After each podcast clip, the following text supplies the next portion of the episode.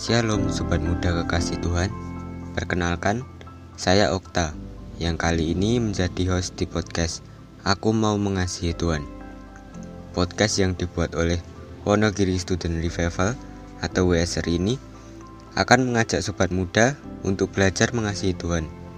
Podcast ini akan rilis setiap hari Jumat jam 3 sore. Jadi, setialah mengikuti setiap serinya ya. Jangan sampai ada yang terlewatkan supaya sobat muda bisa belajar dengan lengkap dan bisa mengalaminya dalam hidup sobat muda semua.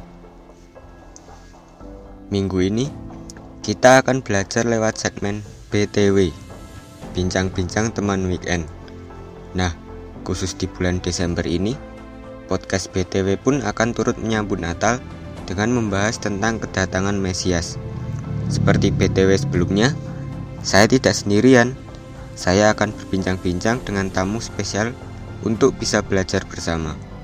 Siapakah tamu spesial kita kali ini? Jangan ke mana-mana ya, tetap stay tune terus di sini.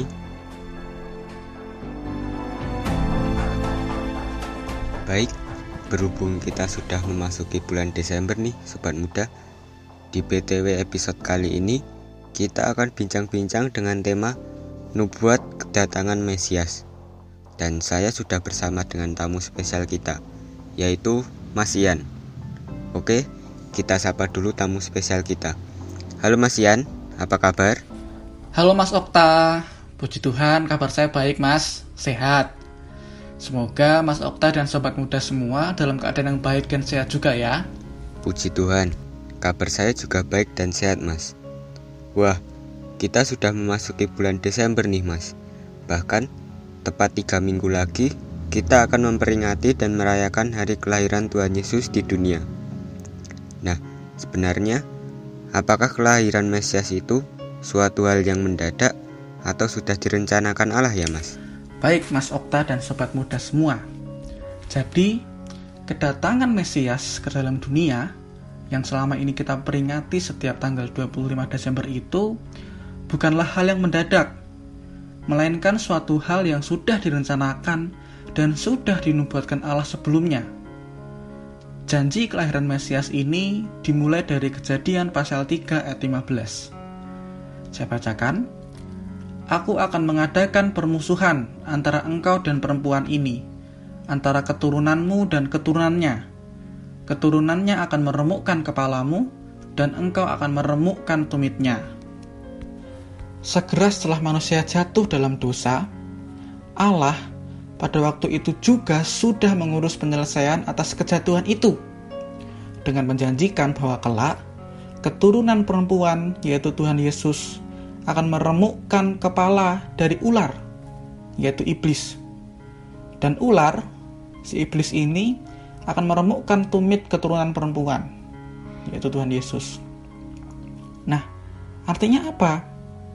Iblis hanya akan membuat tumit dari Tuhan Yesus itu remuk yang mengartikan bahwa Tuhan Yesus akan menderita dan mengalami kematian sampai hari ketiga. Akan tetapi, Mesias, Tuhan Yesus akan meremukkan kepala dari ular, kepala dari iblis, yang berarti iblis ini akan dikalahkan dengan tuntas. Dan kita tahu ya, Tuhan Yesus menang, bangkit dari kematian. Oh, ya Mas Ian. Kedatangan Tuhan Yesus, Mesias itu sudah dinubuatkan bahkan sejak manusia jatuh dalam dosa ya Mas. Lalu, apakah janji kedatangan Mesias itu hanya dinubuatkan di waktu itu saja Mas? Janji kedatangan Mesias ke dalam dunia tidak hanya berhenti di waktu itu saja. Tetapi janji itu terus sambung menyambung Allah meneruskan janji kedatangan Mesias itu kepada suatu bangsa, suku, dan juga kepada suatu keluarga. Wah, jadi janji kedatangan Mesias itu terus sambung menyambung ya mas, melalui perantaraan bangsa, suku, dan keluarga. Wah, menarik sekali mas. Mungkin bisa dijelaskan lebih lanjut Mas Ian mengenai hal ini? Baik Mas Okta dan Sobat Muda semua. Melalui bangsa, Allah memakai seorang yang bernama Abraham. Nah, pada kejadian pasal 12 ayat 1 sampai 3, Allah berjanji kepada Abraham bahwa Allah akan membuat Abraham itu menjadi bangsa yang besar, diberkati, namanya masyur, akan menjadi berkat, memberkati orang yang memberkatinya, mengutuk orang yang mengutuknya, dan olehnya semua kaum di muka bumi ini akan mendapat berkat. Nah dari Abraham inilah nantinya akan lahir suatu bangsa yang besar, yaitu bangsa Israel. Dan melalui bangsa Israel inilah nantinya Mesias akan datang ke dalam dunia.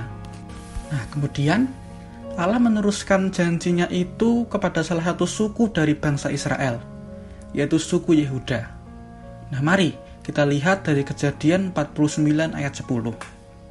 Saya bacakan, tongkat kerajaan tidak akan beranjak dari Yehuda, ataupun lambang pemerintahan dari antara kakinya, sampai dia datang yang berhak atasnya. Maka kepadanya akan takluk bangsa-bangsa.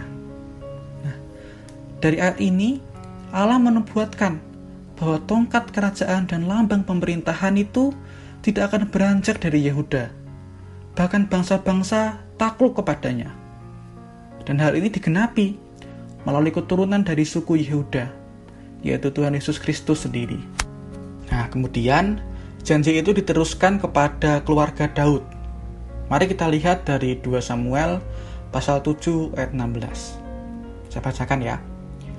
Keluarga dan kerajaanmu akan kokoh untuk selama-lamanya di hadapanku. Tahtamu akan kokoh untuk selama-lamanya. Nah, di sini Allah menubuatkan bahwa keluarga, kerajaan, dan tahta Daud itu akan kokoh untuk selama-lamanya. Nah, sistem kerajaan ini berdasarkan keturunan Daud ya. Dan namun ternyata diceritakan bahwa kerajaan ini tuh pecah. Dan kalau kita baca di perjanjian lama, kerajaan ini tuh pernah mengalami masa pembuangan ke Babel. Berada di bawah kekuasaan kerajaan Babel. Nah, keadaan ini seperti berbanding terbalik ya dengan apa yang dijanjikan Allah. Seolah-olah janji Allah ini tidak digenapi Nah, namun tidak demikian. Allah itu setia. Apa yang dia firmankan dan janjikan, pasti ia lakukan. Dan memang betul, janji ini digenapi lewat pribadi Tuhan Yesus sendiri. Nah, sebagai tambahan, mari kita lihat dari Mika pasal 5 ayat 1, yang bunyinya demikian. Tetapi engkau, hai Bethlehem Efrata, hai yang terkecil di antara kaum-kaum Yehuda, daripadamu akan bangkit bagiku seorang yang memerintah Israel, yang permulaannya sudah sejak purbakala, sejak dahulu kala. Nah, di sini Allah berjanji bahwa di sebuah kota kecil Bethlehem dan di antara suku Yehuda akan bangkit seorang yang akan memerintah Israel. Dan benar demikian ya. Bahkan kalau kita membaca dari Lukas pasal 2 ayat 1 sampai 7, ada pengaturan yang sedemikian spesial dari Allah sehingga nubuat atas Mesias ini digenapi.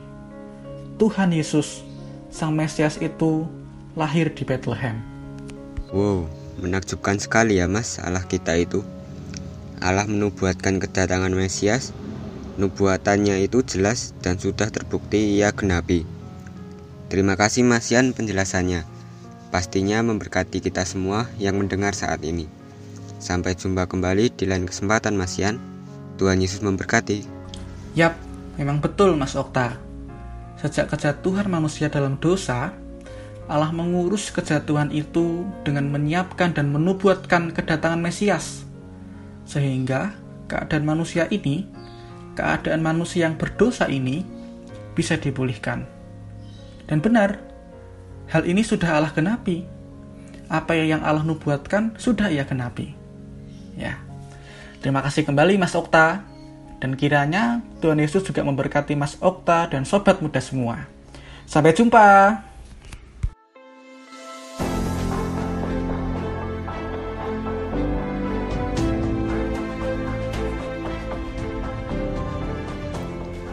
Sobat muda kekasih Tuhan, senang sekali ya hari ini kita bisa belajar bersama lewat bincang-bincang teman weekend. Kiranya pelajaran firman Tuhan hari ini memberkati sobat muda semua. Sobat muda jangan sampai terlewatkan untuk mendengarkan bincang-bincang teman weekend minggu depan ya. Tentunya bincang-bincang minggu depan pasti tidak kalah seru untuk kita pelajari dan kita alami bersama. Kalau ada sobat muda yang ingin berdiskusi, bertanya, memberi masukan, boleh deh sobat muda sampaikan lewat Instagram WSR yaitu di @wstudentrevival. Oke, sekian podcast kali ini. Gabung lagi minggu depan ya. God bless you all.